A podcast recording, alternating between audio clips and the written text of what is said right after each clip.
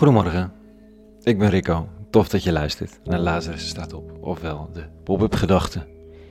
Elke morgen tussen 6 en 7 schrijf ik uit wat opkomt bij het lezen van de Bijbellezingen van de dag. Mijn uur van meditatie en verwondering. Vandaag krijgt het de titel mee. Leven is nog niet zo eenvoudig.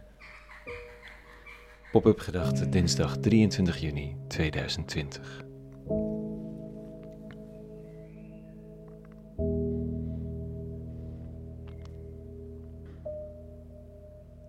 Soms weet je prima wat je te doen staat, wie je vrienden zijn, dat je geliefd bent, heb je vertrouwen. maar er hoeft maar iets te gebeuren, of je bent tenminste voor even uit het lood geslagen. Ruzie met je vrienden of onbegrip, een rotopmerking van een collega, een foutje in je keuzes. Er is niet zoveel voor nodig om uit evenwicht te zijn. En dan treedt de wet van Murphy in. Je reactie op een vriend die je negeert is zomaar zo venijnig dat de vriendschap gelijk niet meer goed komt. Of het zelfvertrouwen dat je nodig hebt om goed in je werk te staan, krijgt zo'n knauw door een laatdunkende opmerking van een collega, dat die collega nog niet gelijk had over jou toen hij of zij die opmerking maakte, maar door de ontstane onzekerheid maak je er een bende van. En het is nog niet zo gemakkelijk om op een goede manier een relatie aan te knopen. Om daar dan de stappen in te zetten die wijs zijn en ontspannen en goed. En dat dan ook te blijven doen elke keer als er iets onverwachts opduikt. Van ziektes in het leven, verliefdheid op een ander, midlife crisis, onbegrip. De tekst vandaag erkent deze zoektocht. Tot mijn verrassing. Ik dacht vroeger namelijk altijd dat deze tekst een nare, dreigende, onheilspellende, levensplezier dovende uitspraak was van de man van Nazareth. Maar bij lezing vanochtend, dit staat er. Ga binnen door de nauwe poort, want de weg die naar de ondergang voert is wijd en breed en vele zijn er die hem inslaan. Hoe nauw toch is de poort en hoe smal de weg die voert naar het leven, en weinigen zijn er die hem vinden. Hier bestaat een afbeelding van, die binnen de religieuze kringen bekender is dan de tekst zelf. Het is een beeld waarin langs de brede weg alle plezier van het leven staat. Maar die eindigt in de hel. De smalle weg is die van ellende en pijn en moeite en eindigt in een stad op een berg, een hemels Jeruzalem. Dit leven is dan ellendig, maar je bent tenminste een betere mens dan die anderen, die al genietend van het leven hun eigen ondergang tegemoet gaan.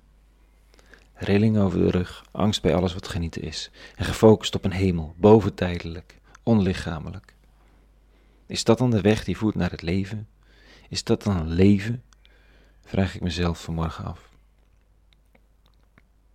Zou het misschien gewoon een erkenning zijn van de spanning van elke dag? Deze tekst. Elke dag waarin het zo makkelijk is om je onzekerheid bot te vieren op een ander. Of in een relatie de aandacht voor elkaar te laten versloffen. Waarin het zo makkelijk is, een brede weg, om jezelf te gunnen dat je nu eenmaal zo bent.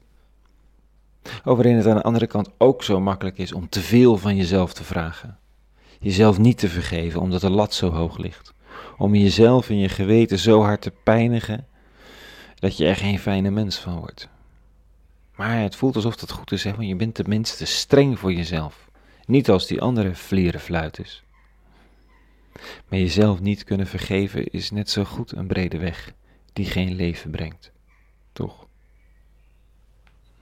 Vandaag lees ik deze oude tekst als erkenning van de wijsheid en rust die er nodig is om steeds weer op koers te blijven.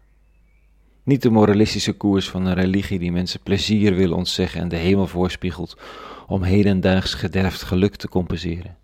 Het gaat over levenbrengende keuzes vandaag. Lukt het me om stil te staan bij datgene en diegene die vandaag de aandacht, de waardering en de zorg nodig heeft? Je rent er zomaar aan voorbij, aan jezelf of aan de ander. En jij dat stilstaan brengt ons leven, onverwacht levend geluk en zegen. Het leven waar de smalle weg toe leidt, zou wel eens niet zo abstract kunnen zijn als ik altijd dacht, maar voelbaar, kenbaar, ervaarbaar. Een weg voorgegaan door de man van Nazareth en hoorbaar in het gefluister van de stem van de eeuwige, die zo vaak slechts in de stilte te horen is.